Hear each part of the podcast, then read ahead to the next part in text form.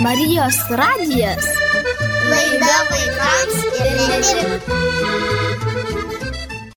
Garbė Jėzui Kristui. Jūs girdite Marijos radiją. Tai kas man iš to, o kas Dievui iš to? Geriau pakalbėkim, ką nors apie Dievą. Juk tai labai svarbu. A, apie svarbius dalykus nori kalbėti. Žinoma, aš jau mokinė, man labai patinka svarbus dalykai. Nors darželį man irgi patiko. Gal net geriau. Tam pamokų nereikėjo ruošti.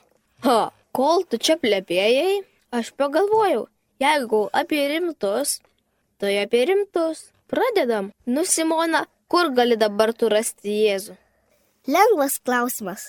Dangui, katedroj, koplyčioj yra adoracija. Komunija tokia. Ir tokiam gražiam, gražiam, gražiam, tokiam pauksuotėm sostėm. Monstrancija vadinas. Tai vadinas, nori kalbėti apie Eucharistiją. Teisingai, aš tik tiek ir žinau, kad ten vyksta adoracija, nuo Jėzaus švenčiausia aplankimas. O daugiau tai nelabai, nieko daugiau nežinau. Taigi adoracija.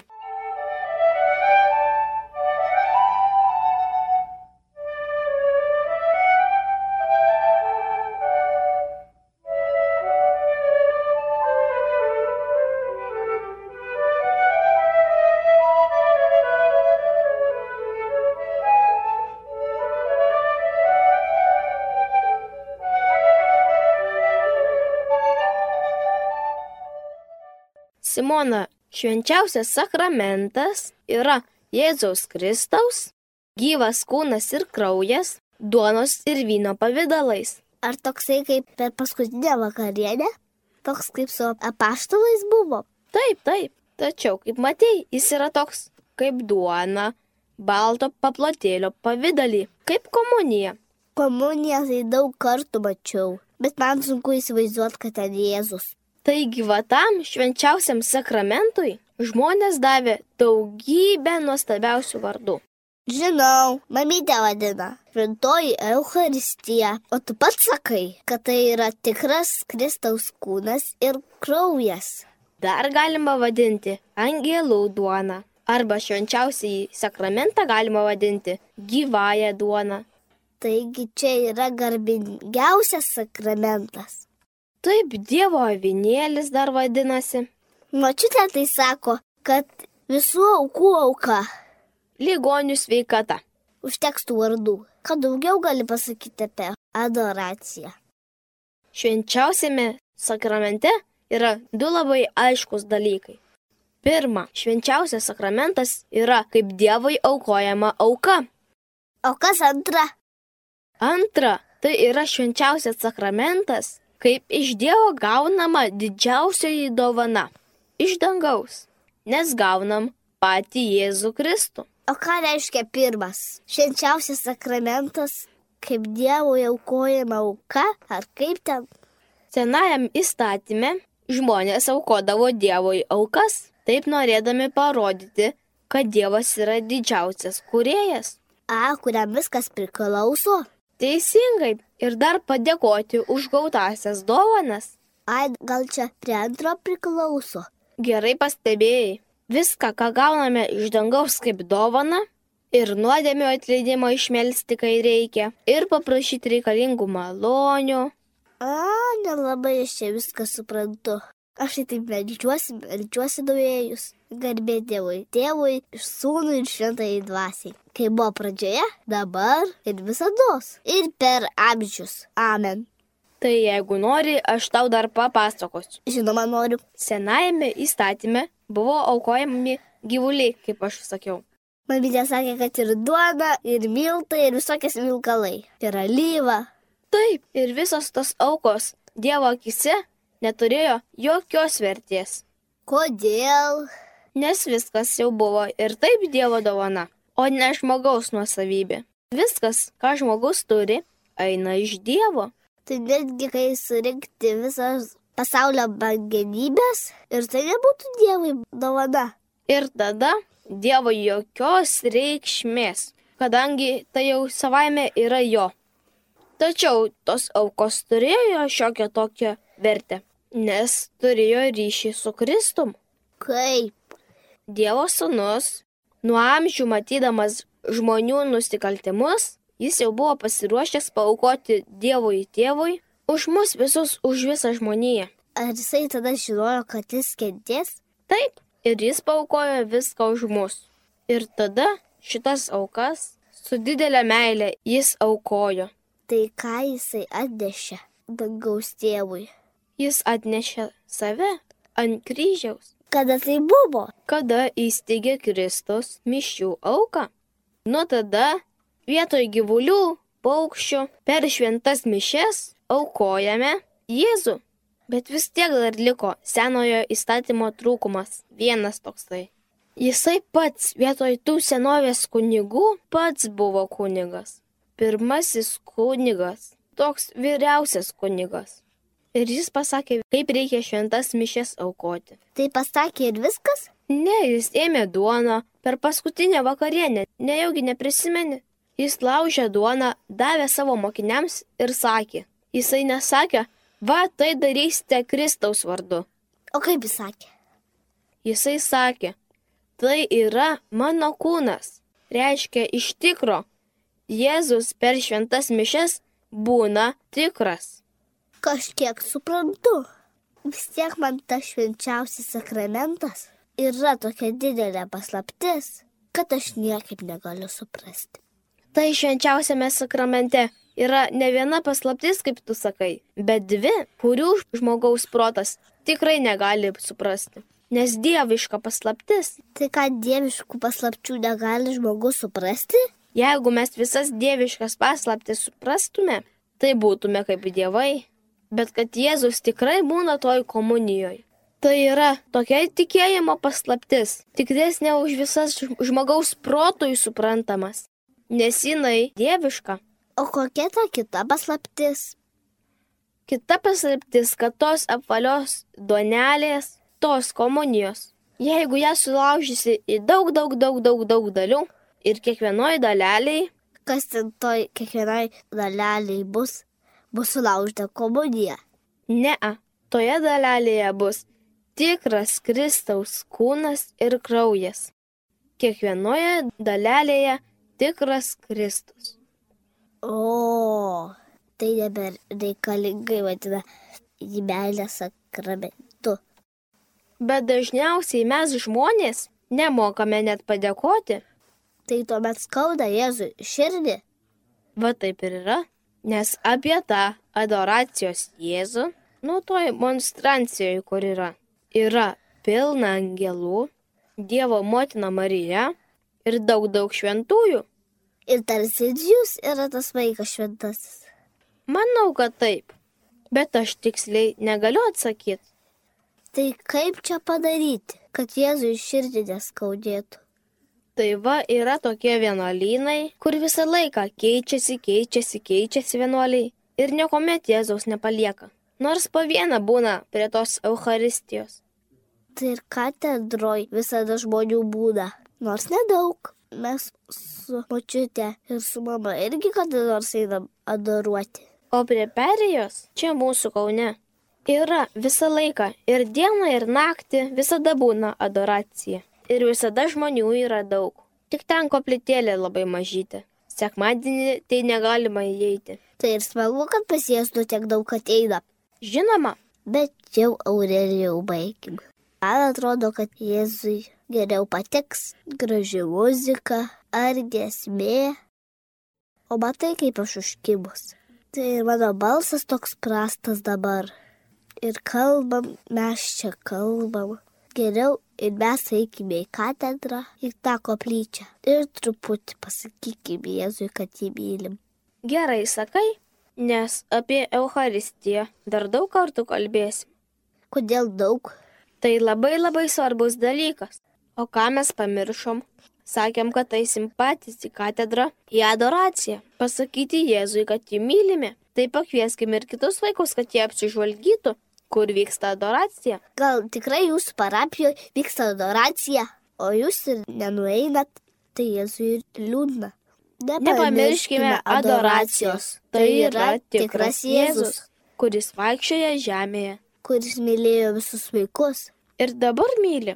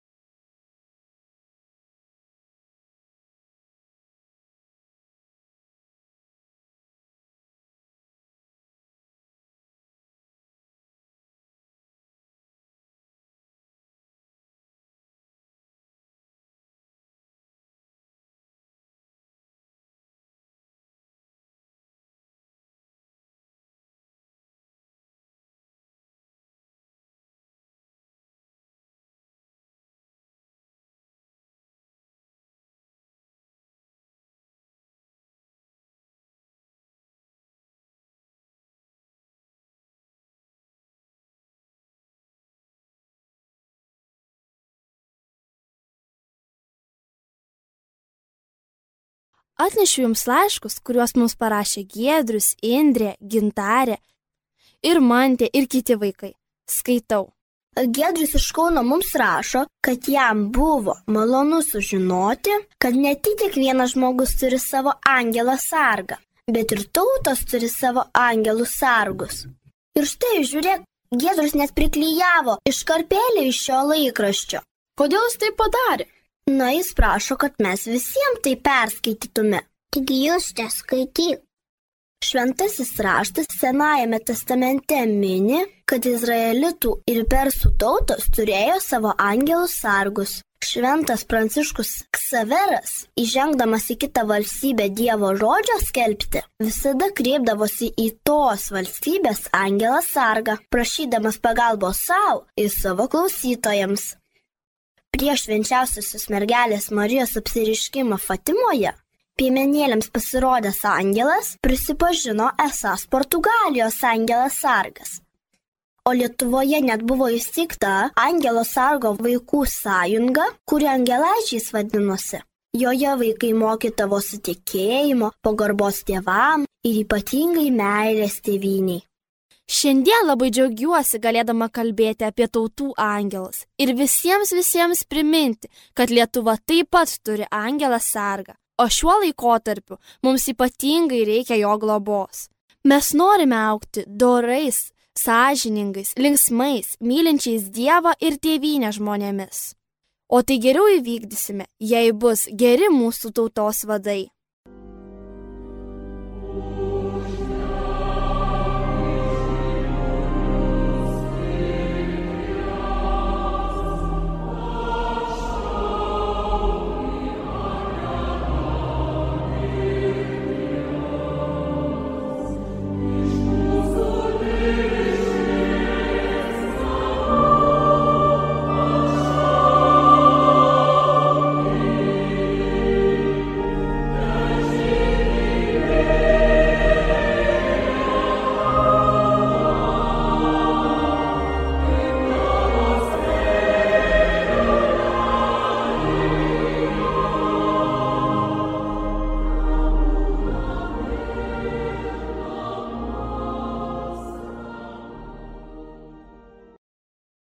Ir dar viena nedidelė iškarpa priklijuota Giedrius laiške.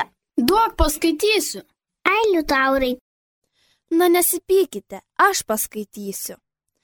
Kartą, kai šventas Pranciškus buvo paskendęs maldoje, jam pasirodė spindintis angelas ir tarė, tučtuoju eik į koplyčią, ten tavęs laukia mūsų viešpats Jėzus Kristus ir jo šventoji motina apsupti daugybės dangiškų dvasių.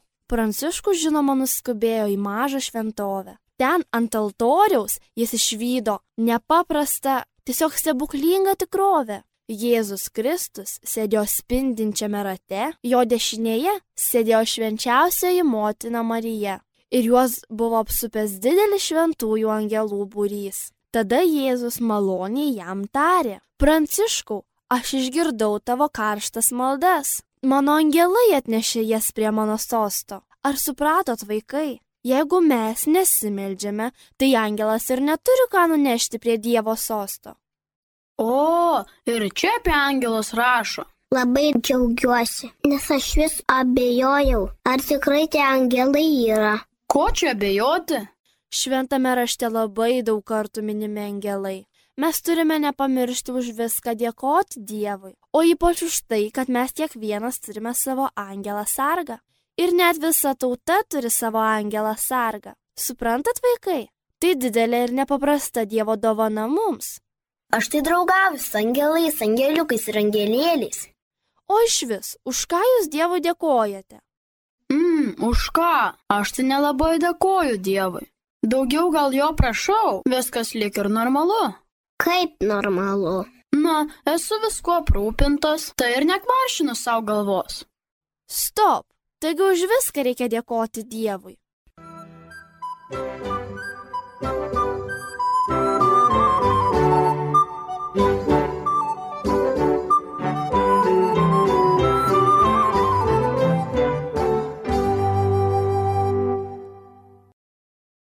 Ilgą laiką aš galvoju, kaip savo nori. Dangus liūdna vieta. Kodėl? Na galvojau, debesys, žmonės baltais drabužiais, su kažkokiam arfom rankose. O įdomumo, jokio įdomumo. Bet šventasis raštas kalba visai kitaip. Jis nekalba apie debesis, ne. O kaip kalba šventasis raštas? Jis kalba, dangus pilnas gyvybės. Visi džiaugiasi, visi gali atpažinti vienas kitą. Taigi, Suprantu, mes ten juokausim ir džiaugsimės. Bet pirmiausia, turim ten patekti. Ir tik tada galėsim susitikti. Apie save aš dažnai galvoju, kad nuodėmių ir nuodėmiukių turiu tiek, na žinai, yra toks posakis. Turiu tiek daug. Tik nesijuokit, kaip šuo bluso. Oi, Aurelijau. Yra juk priemonių visam tam panaikinti. labai gerai, kad tai tu pastebi. Reiškia, tu galvoji apie tai. Ir manau, kad tikrai žinai, ką tokiu atveju reikia daryti. Einu iš pažinties ir darau naują pasirinkimą. Teisingai. Jeigu mūsų kūno mirtimi viskas pasibaigtų, mes galėtume leisti savo dienas visiškai nesusimastydami. Tačiau, žinot vaikai, Kristus sako, mirtis tai yra tik vartai naują gyvenimą, o gyvenimas žemėje tai mums duotas ilgas laiko tarpas. Apsispręsti ir pasirinkti. Ką tu rinksies? Arba laimės amžinybę, arba amžinos kančios amžinybę. Taigi žinau, Mes dažnai kaltinam Dievą, sakom. O, koks Dievas negailestingas, sukūrė pragarą, o kamgi? Galėjo juk visus į dangų sutalpinti. bet juk Dievas nei vieno negrūda į pragarą. Atvirkščiai. Tikrai taip. Dievo troškimas yra, kad visi išsigelbėtų. Tačiau jis gerbė mane, tave ir kiekvieną žmogų. Ir jei patys esame apsisprendę ir renkamės pražūtį, Dievas sako, gerbiu tave. Todėl nors man ir labai gaila tavęs, aš negaliu tau sutrukdyti, nes pats daviau tau laisvą valią. Tai nei danguje, nei pragare nebus nei vieno žmogaus, kurie ten būtų varu atvaryti. Todėl, kai tai suprantame, darome teisingą apsisprendimą. Vaikai nemeluoja ir kitų įsakymų nelaužo. Ir kai padarom tinkamą apsisprendimą, gyvenimas keičiasi. Ir nors mažai žingsneliais, bet kasdien einame artyn prie Jėzaus.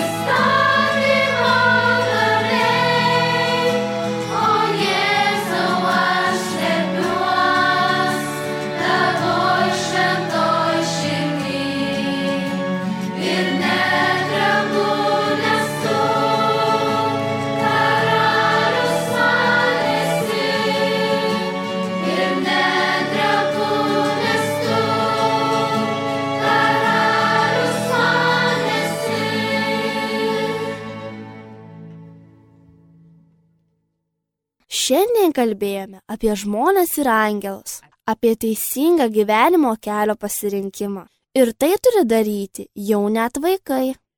O dabar Uliuko pamoka.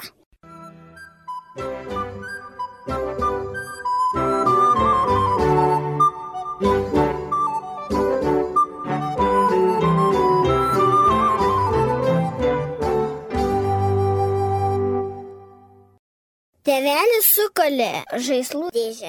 Tikrą skrynę tokią. Vėjas susirangė joje, toj dėžiai. Norėjo pasislėpti, kad mamytė jo nerastų, kaip pietų mėgelis bus. Ir vėjas pagalvojo, dėžė pravels ir žaidžiant slėpinių. O su kuo žaisiu rabal paklausė vėjas. Nei vieno vaiko nėra. Ai tada vėjas sako. Neida! Žaidžiant slėpinių. Ilgai dėžė skaniai kvepia. Meida atėjo ir kaip šoniukas ostinėja dėžę. Pilma tvarkingai susitvarky žaislus. Tada žaisim. Palėpė sesė Meida. Sesė susikaupusi piešė savo piešinį. Iš tokių mažų skrituliukų spalvotų. Darė takelį. Akmenukus piešė. Bet aš netilpsiu prikimštoji dėžiai žaislų, pasakė vėjas. O Meidas trykčioje kaip užsukta. Ji labai norėjo žaisti. Sakau tau, daryk kas liepta, tarė Meida ir piešė toliau. Kągi, brolės vėjas pradėjo reikiuoti žaislus. Pyko ant žaislų, tarsi ant piktų šunų. Ei, broli, dirbi sukandęs dantis, todėl tau jau sunku. Čia visai nieko sunkaus nėra, broli. Žiūrėk, linksmai tvarkyk žaislus. Trinktelėjo dujus ir dangtis užsivėrė. Vau, taip stipriai užsivėrė kad prispaudė juokdario kepurytę. Net kepurės skambaliukas suskambėjo. Kartą sapne panašiai skamtelėjo Meidos angelo sargo užkliudytą lempą, kai jisai skraidė po lubei. Angelė salgė, mano draugutė, Vėjas sudėjo rankas maldai ir jisai sako, nori žaisti ir viskas. Mielas angeliuk, paguosk mane. Nežinau, ar dirbti, ar ilsėtis. Patark man, juk tu mano globėjas. Taip sakė devulis, kad kiekvienas žmogus turi globėją. Po savo angelą. Taigi mintise Meida paprašė savo angeliuko. Vaikai, Meida net nespėjo pažiūrėti į dangų, kaip švelnus vėjo pūstelimas užtelėjo pel kambarį, na tai praskrido, o angeliukas jos globėjas. Švistelėjo iš oro restainė tiesiai Meidai į kišenėlę, net suknelės kišenėlė pritrupėjo. Meida atsikando kasniuką Niam, niam, niam, niam, niam. Vanininis, saldus, labai skanus. Tirpo iš galdumo bulnoje. Ir nusiramino nervai, kada jį pavalgė to restainio. O angeliukas priplasnojo aukštai, aukštai prie lubų, kaip koks baltas balandis. Ir kada suvilpėjo oras nuo skridimo, pasigildo melodija. Pas dievulį mūdu du, bėgsime abu kaltu, nutopiais ant savo debesėlio ir toliau dainavo. Bet netrukus pasidarė rimtas, praskredė užuolaidas ir visas kambarys pakvipo mišku. Tokios seglės kvepėjo ir dar gelytės kvepėjo. Tada vasara buvo, o rabal tai žiema. Su rogiam reikia važiuoti. Žinai ką, angeliuk, tarė Meida, aš visai nenoriu dirbti, tik žaisti, valgyti ir tave sapnuoti. Ir angelėlis pradėjo juoktis, net kvatotis. Tiek daug juokėsi, kad net kambarys nušvito auksinė spalva. Ir angeliukas sako, Vėjau, vėjau. Tu pasaky, kad viską darytų dėl gero jo Dievo. Nes Dievas labai geras. Ir vėjas nusileido žemyn, paėmė pačią gražiausią meidos lėlę ir sako, šok lėlytę į skrinelę ir tupėk. Taip tyčia audra užeina. Šunelį, miškiuk, zuikį, visi šiandien ateikit po stogu ir visi žaislai patys įlenda į dėžę. Oi, angeliuk, aš taip nemoku. Išmoksi. Reikia taip juoktis ir šipsotis, kai dirbi. Na, vėjas numojo ranką ir sako, aš jau taip kvatoju. Kieme vaikai mane pravaldžiuoja. Sako, jis turbūt nukrito nuo spintelės, kad toks išišiepęs. Ir angeliukas priglaudė vėją prie savo šalto ledinio skruosto. Bėg tvalkyti kambarių, pasidary širdį lengva, pasangė angeliukas. Ir tuo išnyko, o meida dainelė dainavo ir dilbo. Karaitė lengvai sutvalkė visus žaislus. Paskui popieriaus lapelėje nupišė daug, daug čipsenų. Ir jos buvo visos kitokios, kaip ir vaikai, kai šypsosi. Visi kitokie. Va, vėjas šypsosi, jis panašus į mamą. Kai aš šypsausi, aš panaši į juos abu, o mes visi panašus į Dievą. Nes Dievas pasakė, aš padarysiu jūs panašius į save. Todėl aš labai graži melgytė. Ildal stengiasi būti gera, bet aš jau pavargau, nes aš pirmą kartą čia. Tai šiandien atsisveikinu. Labą naktį vaikai. E, šipsokitės, kai dirbat. Sudė.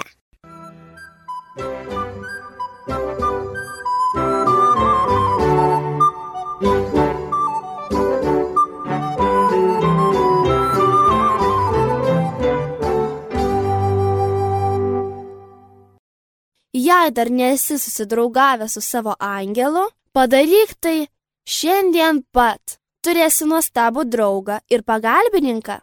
Sėkmės ir... Labanakt. O angelai kalbėjo tyliai apie sapnus ir dar kažką.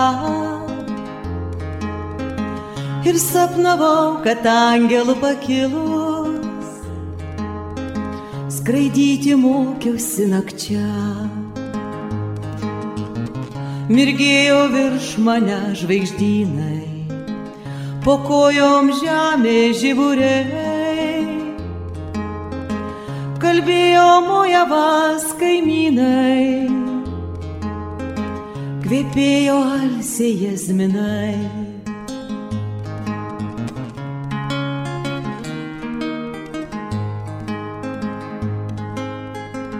Ant lango angelai sėdėjo, kasdieniškai tai paprastai.